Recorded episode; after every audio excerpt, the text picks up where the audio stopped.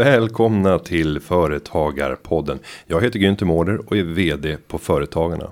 Det här avsnittet ska vi ägna helt och fullt åt offentlig upphandling.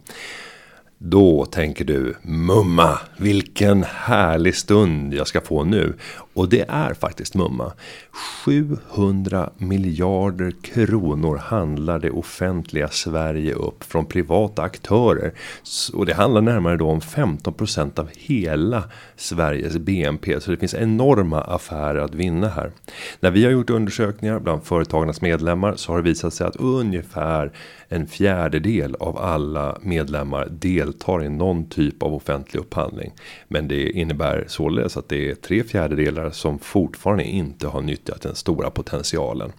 Vi kommer att bjuda in en särskild gäst i dagens avsnitt. Jag säger välkommen till Företagarpodden. Och i studion nu så har vi Magnus Johansson som är konkurrens och upphandlingsexpert på Företagarna. Vår alldeles egen guldgruva när det gäller de här frågorna. Välkommen till podden. Tack, tack så mycket. Ja, premiär i podden. Du har varit eh, ombord på Företagarna sen eh, en bit innan sommaren. Hur är känslan? Det känns väldigt spännande eh, att ta sig an leverantörsperspektivet på den här upphandlingslagstiftningen. Eh, jag kommer ju tidigare från ett arbete på Konkurrensverket där jag jobbade med tillsyn över offentlig upphandling. Eh, och det var ju ett bra, eh, ett bra ställe att vara på när man kunde då tydligt se när man körde diket så att säga kring, kring upphandlingar. Eh, men nu ska man eh, då istället ta sig an leverantörsperspektivet och eh, se till såklart att de här 27 procenten kommer att öka rejält. Tycker jag. Och om man tittar på en person med din, ditt arbete så gissar man att du har en juridisk bakgrund? Det stämmer, jag är jurist i grund och botten. Mm. Hur många år blev det på Konkurrensverket? Det blev åtta år på Konkurrensverket allt som allt. Eh, och min senaste tjänst där var som biträdande enhetschef just för då en eh, tillsynsenhet över upphandlingslagstiftningen. Mm. Och vad är det du ser när du har så att säga bytt sida? Vad är de största skillnaderna? Vad har ökat din insikt när du nu får två perspektiv att kunna faktiskt referera tillbaka till? Mm. Nej, men det, det är intressant ur, ur den aspekten att, att upphandling är, är tudelat. Eh, vi har en, en eh, inköpssida som, som består av, av kommuner och statliga myndigheter. Eh, där, där eh, det ser lite olika ut i landet ska jag vilja säga hur den här inköpsorganisationen är är eh, eh, hur den fungerar. Eh, Medan då leverantörskollektivet ser ju, ser ju helt annorlunda ut förstås. Och där jobbar man ju mer business. Eh, och jag tänker att det, det, är nog den största skillnaden som jag ser. Jag tror att det är också här man behöver mötas eh, för att tillsammans göra så bra affärer som möjligt helt enkelt. Men om vi stannar upp där och börjar identifiera problem som finns idag från, från början. Vad är de stora utmaningar som du ser det när det gäller den här samverkan? Det offentliga ska köpa av det privata. Mm. När och var är det det uppstår friktion? Mm.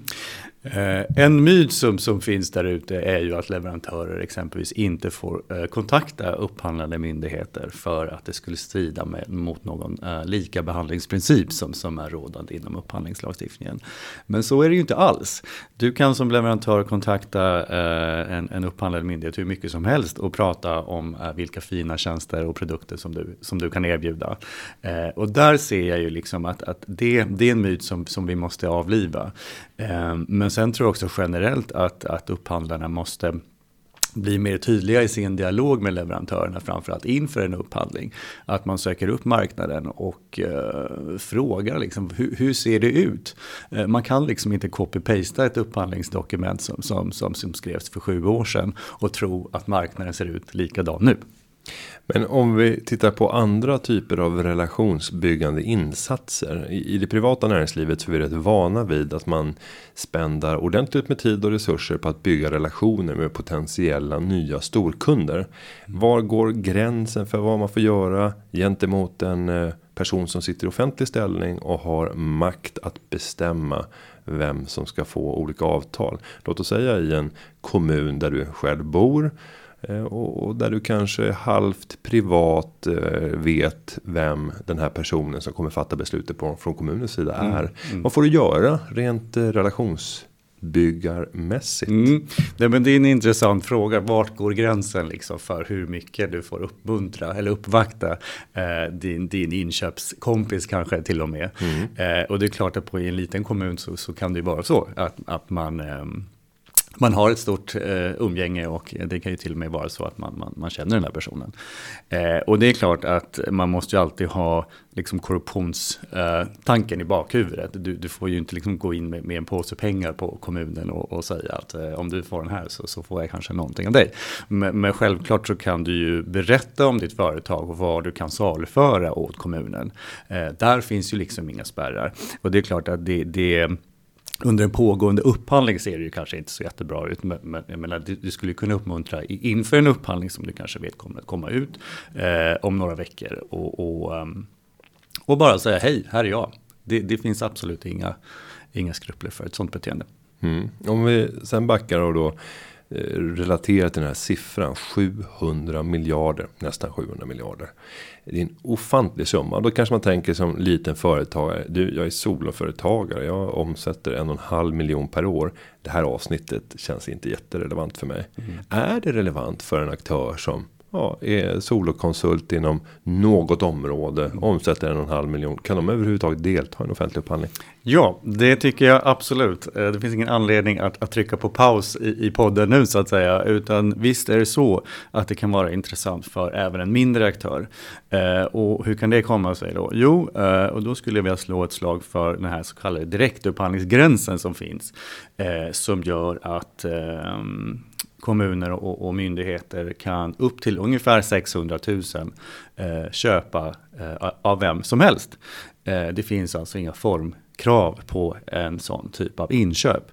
Eh, och den här gränsen då, direktupphandlingsgränsen, den gäller för ett räkenskapsår och den gäller för varor och tjänster av samma slag. Så inköparen eller upphandlaren i det här fallet eh, måste ju då kalkylera hur mycket kommer jag att köpa in i den här tjänsten. Bedöms det att tjänsten kommer att eh, uppgå till under 600 000 eller prick 600 000 kanske till och med så behöver man inte annonsera det och på det sättet konkurrensutsätta kontraktet. Eh, och då är det ju förstås väldigt tacksamt för en, eh, en, en, mindre aktör att kunna vara med och leverera på ett sådant kontrakt. Och där kan man ju tänka sig att den mindre aktören går runt i sitt eh, Eh, närområde eller i de miljöer man verkar i sin profession och försöker identifiera var har det offentliga ett erbjudande där jag skulle kunna på något sätt vässa utförandet eller komma med produkter som skulle underlätta och komma med en färdig paketering och säga att jag har sett det här problemet. Jag har den här lösningen. Eh, för 500 000 kronor så får ni följande. Då skulle man rent hypotetiskt kunna få en kråka eh, egentligen redan samma dag från ansvarig person. Exakt. Hypotetiskt. Om, ja, exakt. Mm. För om, om, behov, om, behovet bedöms finnas så, så, finns det liksom inget hinder för det. Um, det som kan vara problematiskt eh, kring den här direktupphandlingsgränsen är att de här kontrakten eh, ser ju inte alltid dagens ljus. Det vill säga kommunen har ju inte heller någon skyldighet att avisera att de tänker köpa in de här eh, tjänsterna och produkterna under direktupphandlingsgränsen. Men där tycker jag ett, ett viktigt eh, medskick är att eh, annonsera även de här inköpen, exempelvis på kommunens hemsida. Eh, så är det ganska enkelt för, för en företagare att hålla koll på när kommunen har ett behov som man då kan tillfredsställa på ett eller annat sätt.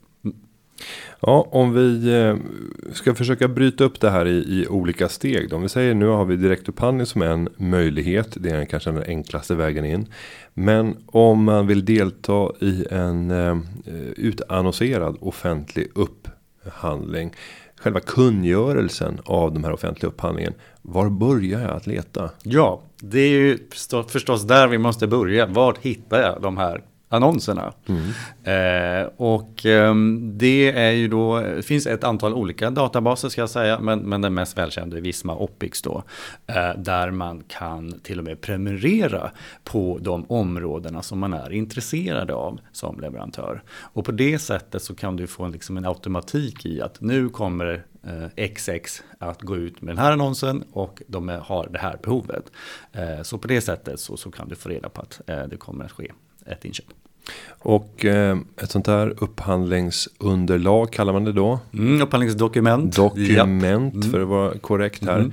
Eh, vad brukar anges och hur omfattande är jag, jag begriper ju att det är olika beroende på vilken vara eller tjänst man köper. Eh, men, men om vi skulle säga ett, ett, eh, ett avtal på någon typ av konsulttjänst som den inre organisationen på kommunen behöver. Mm. Hur, hur, omfattande är kravställningen och, och, efterfrågan på olika typer av eh, dokumentation eller förklaring eller underlag mm. på vad du ska leverera in? Mm. Om vi tar på en relativt enkel tjänst, hur, hur stort kan ett anbud vara? Mm. mm. Eller hur lite Nej, men det, det, det, är en relevant, mycket relevant fråga tycker jag, för att det, man har ju väldigt mycket prat om att det, det, är för, det är för komplicerat det här med själva upphandlingsdokumenten. De är för långa och man orkar liksom inte läsa igenom dem ens. Eh, men jag skulle vilja säga för för en sån typ av tjänst som du beskrev som kanske uppgår till 2-3 miljoner vad, kan, vad det nu mm. kan röra sig om. Så tycker jag inte att, att eh, det, det är motiverat att ha eh, liksom en telefonkatalog av olika krav som leverantören måste gå igenom då för att se om man uppfyller. Eh, och där tycker jag man kan se en viss förbättring eh, och framförallt det här att man eh, som inköpare inte går in så detaljerat på vad är det man vill ha utan snarare så här vad är resultatet man vill uppnå. Och låt istället leverantörerna vara de som visar på vilka möjligheter som finns att leverera den här tjänsten. Då. Eh, och om vi ska ge ett exempel där så skulle vi kunna gå till någonting vi alla kan relatera till. Mm, så skolbespisning. Där skulle man kunna upphandla att vi vill ha en måltid som uppgår till det här energivärdet och med den här graden av variation. Till ett pris som understiger den här summan. Får man ange till och med pris? Ja, eh, man kan ange pris i vissa fall och bara konkurrera på kvaliteten. Mm. Så kan man göra. Men det, det är inte jättevanligt förekommande, men, men det är helt okej enligt upphandlingslagstiftningen. Och den andra versionen i det här, om man skulle upphandla resultat, mm. det är ju att vi vill ha barn som upplever en mättnadskänsla och som har en tillräckligt hög energinivå för att med galans klara studierna. Mm. Ehm, det är ju en resultat, för det är det vi vill åstadkomma någonstans. Och, och, nu kanske det där är ett sämre eh, exempel eftersom substituten till mat än så länge är relativt få. Eh, och jag tror inte det skulle vara önskvärt ens om det fanns ett piller att börja i skolan med att handla upp det här. Men, men där har du skillnaden i. Kan du dra ett ännu bättre exempel på en eh, resultatbaserad upphandling. Mm. Jämfört med att bara handla upp funktion. Ja, där skulle man kunna ta på tal om eh, eh, mat då, exempelvis matleverans till en skola. Eh, och istället för att ställa krav på att eh, det här måste ske i någon typ av fordon så skulle man ju då kunna leka med tanken på att det här lika gärna skulle kunna levereras på något annat sätt. Eh, och då är det viktigt att inköparen i det här fallet inte börjar ställa massa krav på, på utsläpp och, och, och körsträckor och så vidare utan man kanske bara helt enkelt fokuserar på att maten ska finnas på den här platsen den här tiden. Och mm. hur den kommer dit, det är upp till leverantören att bestämma. Ja, det kan bli eh, väldigt mycket om och men om man går in och börjar detaljstyra. Om man sen tittar på utformningen av ett eh, sånt här upphandlingsdokument. Eh, vad är det som det alltid innehåller? Det innehåller innehåller alltid kvalificeringskrav, alltså att du måste visa som leverantör att du är kvalificerad att kunna leverera den här varan eller tjänsten eller vad det kan tänkas vara. Eh, och det kan ju vara allt från att du inte får ha ett kriminellt förflutet eh, eller att du måste visa upp en viss omsättningsnivå för att kunna vara aktuell för kontraktet. Så, så kvalificeringskraven finns alltid där. Eh, och sen när man väl har kvalificerat sig då som, som anbudsgivare, då går man vidare till själva utvärderingsfasen där man så att säga utvärderar själva anbudet som man har lämnat in, själva affärsidén. Eh, så det, det, är alltid de här två, två faserna. Och skulle du rekommendera att man försöker att eh, göra hela sitt anbud själv? För det finns ju mängder av konsulter som jättegärna vill hjälpa dig. Vad, vad, vad, är vinsterna och faran med att ta in konsulter som hjälper dig i anbudsförfarandet. Mm, mm. Jag tycker om vi börjar, om vi spolar tillbaka bandet just till direktupphandlingar. Där skulle jag vilja påstå att det, där behöver man kanske inte ta in någon, någon konsult. För där är det ganska formfritt så att säga hur, hur, hur, man ska gå tillväga. Och det är ett väldigt bra sätt också som leverantör att lära sig hur det fungerar att göra affärer med det offentliga. Eh, men självklart är det ju så att ju, ju, ju högre kontraktsvärdena är desto, desto, mer komplicerat kommer de här upphandlingsdokumenten att vara.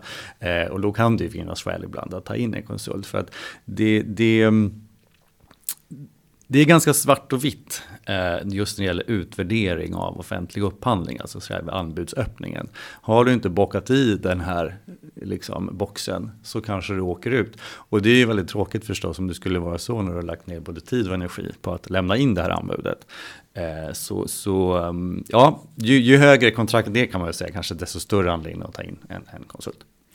Sen kan man tänka sig att för det lilla företaget så kan ju ett sånt här anbud om man skulle vinna det betyda att man tvingas eh, expandera verksamheten kraftigt. Men det är svårt att göra det innan man har vunnit kontraktet. Det blir ett litet moment 22 och om man ska bygga en trovärdighet kring sin leveranskapacitet. Mm. Men man har inte vunnit kontraktet. Hur hanterar man sådana aspekter från upphandlarens sida? Mm. Ofta så, så ställer man ju ganska höga krav på att man tidigare har levererat exempelvis till offentliga. Eller att du kanske måste ha haft igång företaget ett x antal år och så vidare. Men där, det är ju ett ganska effektivt sätt att, att skära undan liksom nystartade företag från att kunna ge sig in i, i branschen. Eh, mitt tips till ett sådant företag skulle i sådana fall vara att eh, alliera sig med en aktör som har tidigare gjort affärer med det offentliga och på det sättet komma in. Annars kan det vara väldigt svårt som nyetablerad att, att få ta del av det här. Så är det. Sen har vi ju en annan del av upphandlingarna och det är ju av sådana här tjänster där man vill ha en färdig leverantör utifall att man skulle behöva det. Och om man skulle behöva det så kan det springa iväg och bli ganska stora beställningar. Jag tänker till exempel på kommunikationstjänster eller eh, marknadsföring. Saker som man kanske inte har planerat för men om det behövs så kommer man att använda beställare. Då är det ofta ramavtal. Ja, det stämmer. Då upphandlar det snarare ett, ett, kommande behov som inte är preciserat. Det är därför man, man har den här möjligheten att upphandla ramavtal. Um, och um, som, som leverantör kan det ju här vara lite problematiskt för att du kan vinna upphandlingen tillsammans kanske med fyra andra leverantörer. Men du kommer ju inte kunna få reda på hur mycket du ska leverera under den här avtalstiden. Och det är ju klart att du, du avsätter en viss kapacitet för ifall det här erbjudandet skulle komma. Och just sådana typer av tjänster som, som du nu, nu berättar om eh, är ju sånt som är svårt att förutse. Eh, det kan ju liksom uppstå någon typ av kris i en kommun och då måste man definitivt kalla in eh, liksom, eh, kommunikatörer och så vidare. Eh, och då måste man ju som leverantör göra utrymme för det här och det är ju väldigt svårt eftersom man inte kan veta när behovet uppstår. Nej, och där har jag hört eh, aktörer som jobbar inom det här fältet, framförallt kommunikationsbyråer. Och där man ger ett väldigt lågt och attraktivt pris på grundtimmar. Men där man sen specificerar undantag och eh, berättar om olika typer av kommunikationstjänster. Och där priserna i vissa lägen är hutlösa. För att de själva inte i grunden vill leverera för de inte har specialkompetensen. Eh, eller för att man eh, vill ta igen det man, det man förlorar på gungorna vill man ta igen på karusellerna. Mm. Hur vanligt är det att man jobbar med ja, ska vi säga lite halvfula prissättningar från liksom de privata aktörernas sida för mm. att.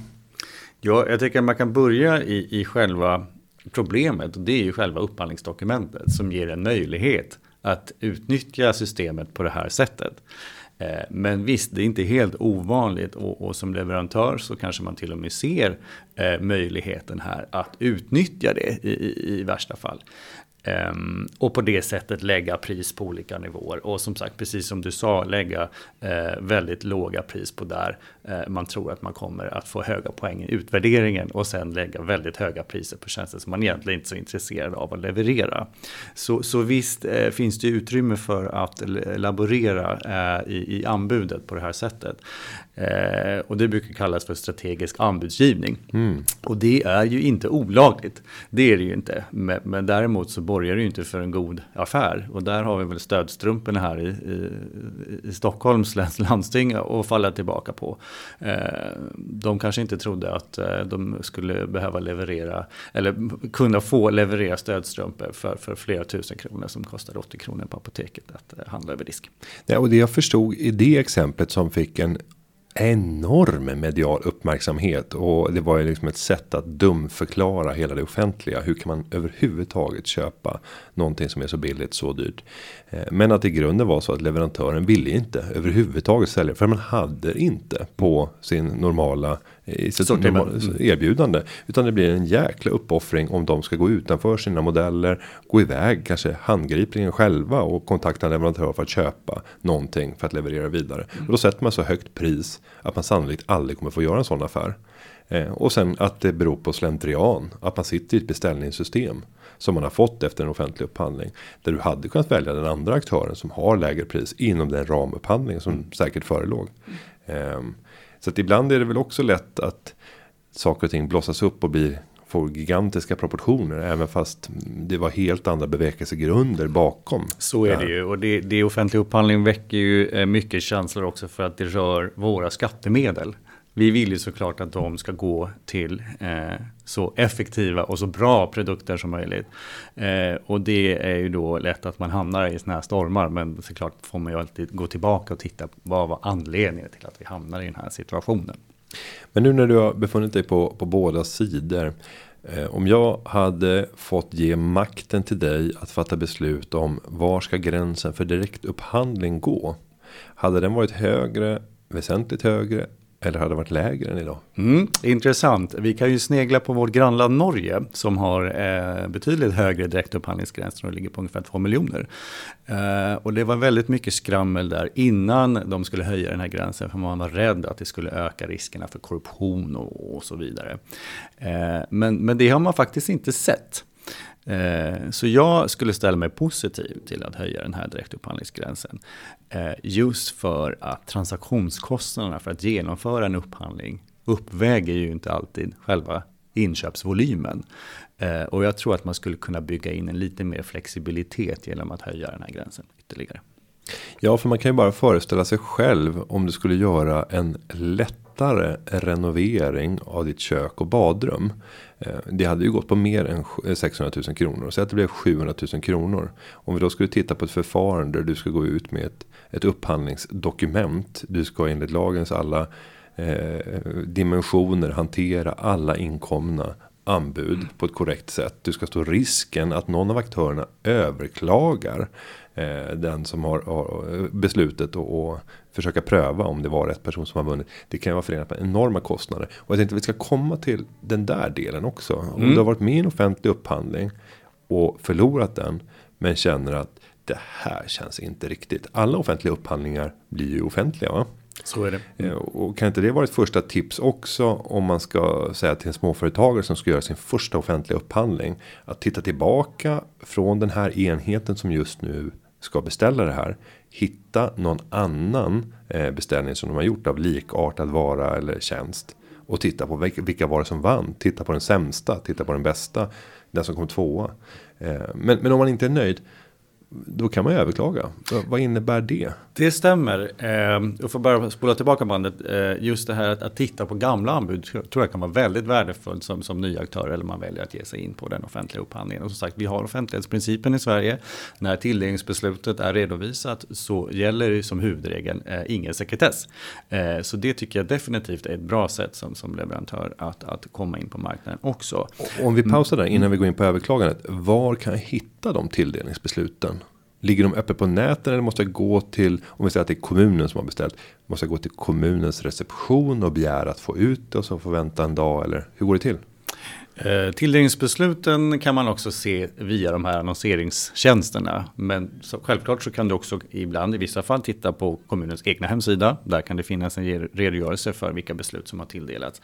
Alternativt att du besöker kommunen helt enkelt och, och begär att få ut en lista på alla de tilldelningsbeslut som har fattats gällande den tjänst eller vara som du vill leverera. Och på det sättet så kan du ju liksom backtracka och begära ut de anbud som, som har kommit in. Och kan man då få leverantörernas anbud i sin helhet med samtliga bilagor? Det finns ju vissa möjligheter för kommunen att sekretessbelägga exempelvis affärshemligheter och så vidare. Och det, det är ju tacksamt. Ja, mm. så kan det vara absolut. Men, men eh, huvudregeln är ju att det ska lämnas ut om det inte finns eh, något undantag från, från en sekretess.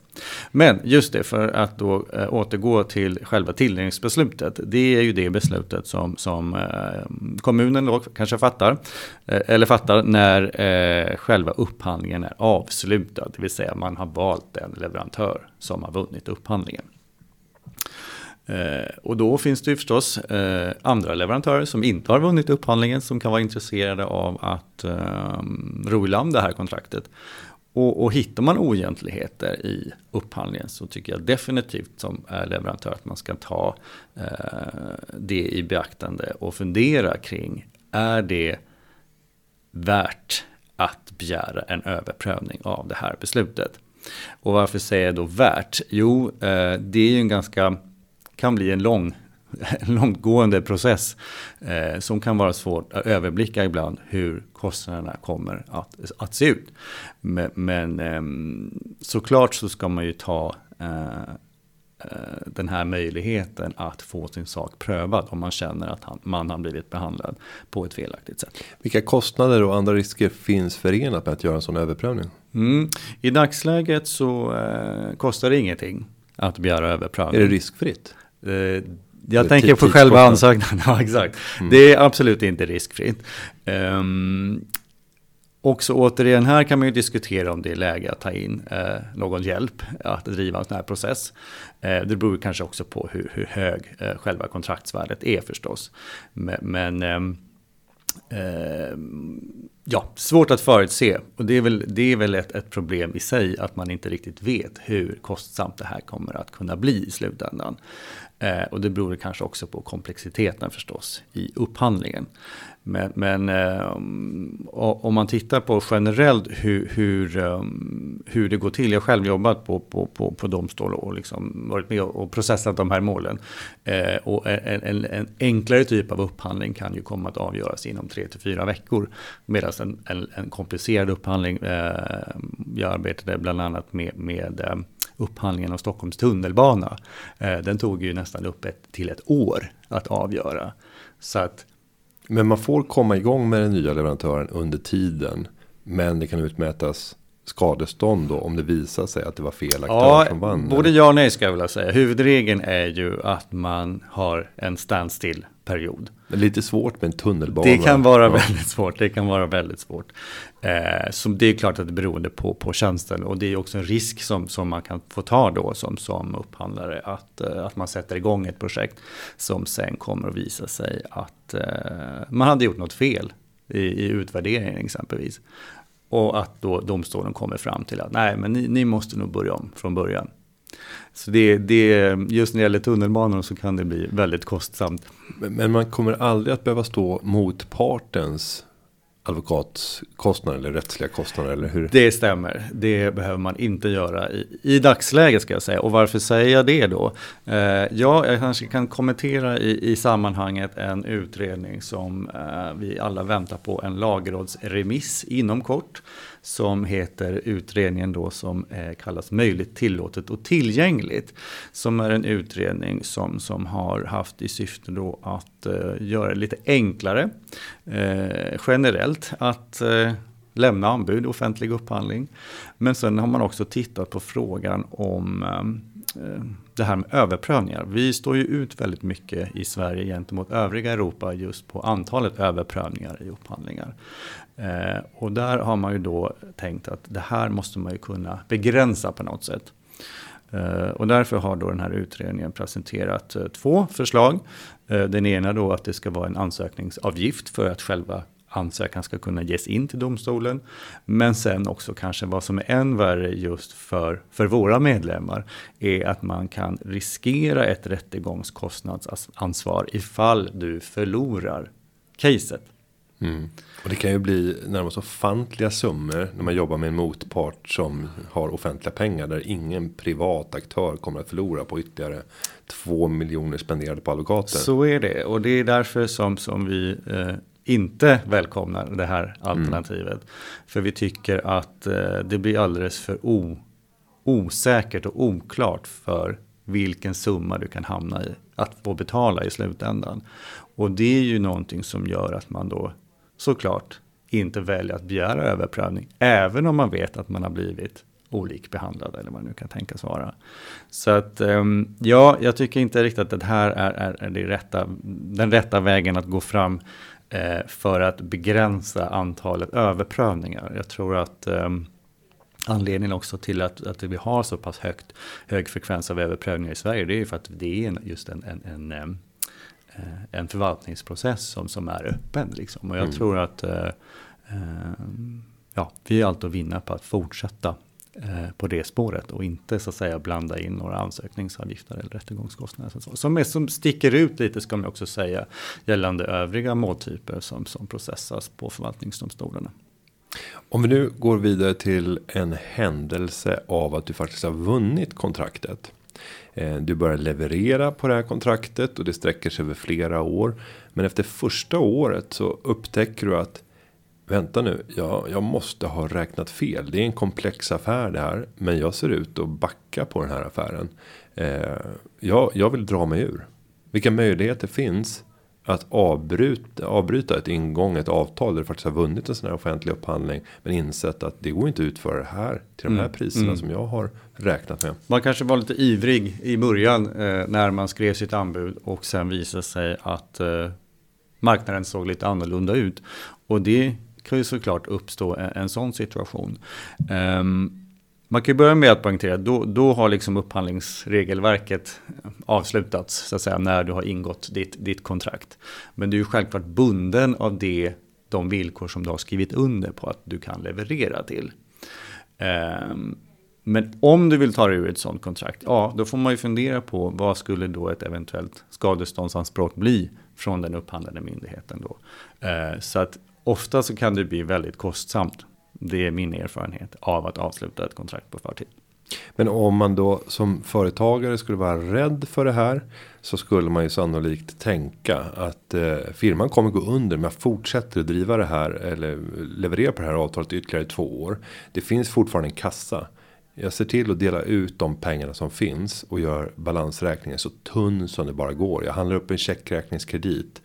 Eh, och sen så börjar starta upp ett nytt bolag och flyttar över personal. De rekryteras över till det nya bolaget och till slut så är det bara det här olönsamma kontraktet kvar mm. i ett tömt bolag mm. som sen kommer att konka. Vad händer i ett sånt läge då när, när bolaget har konkat?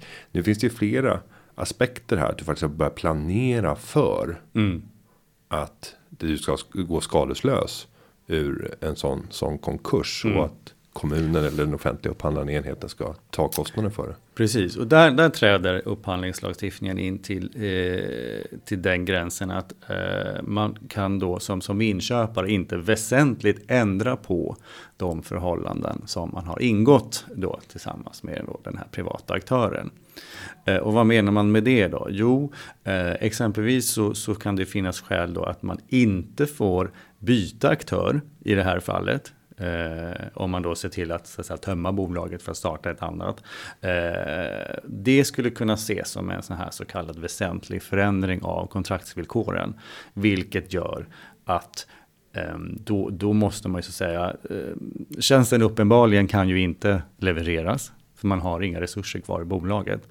Ja, då eh, befinner man ju sig i den situationen att då skulle man ju då egentligen ha som enda utgång att, att avbryta kontrakten. Mm. Eh, och, och, går vi vidare och tittar på eh, vissa situationer så kan man ju tänka sig att köparen, det vill säga offentligheten, kan se på företagarens prissättning att med det här priset, det ska inte vara möjligt. Men du har de facto fått in ett anbud som lever upp till alla kraven som har ställts i upphandlingsdokumentet. Mm. Men du ifrågasätter djupt om det överhuvudtaget kommer gå att leverera med kvalitet till det här är du ändå, ändå bunden som offentlig köpare Eller finns det något kryphål som säger att jag kan välja bort den som erbjuder det lägsta priset trots att de hävdar att alla kvalitetsaspekter upplevs. Mm. Eller uppfylles. Nej men intressant fråga. Det finns eh, bestämmelser i, inom upphandlingslagstiftningen just vad gäller sådana här eh, anbud som har extremt låga priser. Eh, och där man kanske kan lista ut som inköpare att det här är liksom inte möjligt att leverera på. Eh, och, och, hur kan det då vara möjligt eh, i, i ett sådant fall för leverantör att leverera? Ja, eh, det kan ju vara så att man, man har möjlighet att Eh, Eh, att kanske prisa in sig på en marknad och på det sättet kunna erbjuda så låga priser. Eh, men, men i de här fallen då eh, så har vi regler kring onormalt låga anbud som det kallas. Där då den upphandlande myndigheten och inköparen i det här fallet eh, måste fråga leverantören hur kan det komma sig att ni kan leverera till ett så gott eller till ett sånt lågt pris som, som ni har uppgett i ert anbud. Eh, och då är leverantören skyldig att förklara hur det kan komma sig att de kan leverera till det här låga priset. Och sen är det upp till den upphandlande myndigheten att bedöma då, är det här sannolikt att leverantören kan komma att uppfylla det här även då efter avtalets tecknade. Eh, och det där är ju inte alltid så lätt eh, för, för en upphandlande myndighet tänker jag. För att eh, eh mark alltså, leverantören känner ju till marknaden förstås. Eh, och, eh, men, men, visst, du, du kan så att säga, kun, om, om du kan förklara hur det kan komma sig att du kan lämna ett så lågt anbud så, så är det helt okej. Okay. Eh, om jag ska gå vidare på ett aktuellt sånt fall som jag har hört från flera medlemmar. Eh, så är det en offentlig aktör som ger eh, anbud på eh, både offentliga upphandlingar men även ute på den privata marknaden. Och jag pratar om Samhall. Eh, som har blivit allt mer aggressiva på städtjänster och kan börja ge offerera priser som är helt omöjliga för en privat aktör att åstadkomma. Eh, och jag har hört eh, flera medlemmar som har förlorat eh, viktiga kontrakt som de har haft under flera år eftersom Samhall har gått in eh, och prisat in sig och då är ju Samhall ett eh, helägt bolag av svenska staten där personer med olika typer av arbetshinder eller begränsningar eller handikapp har eh, möjlighet att få anställning. Vad har du observerat i det här fallet? Har du hört fler observationer?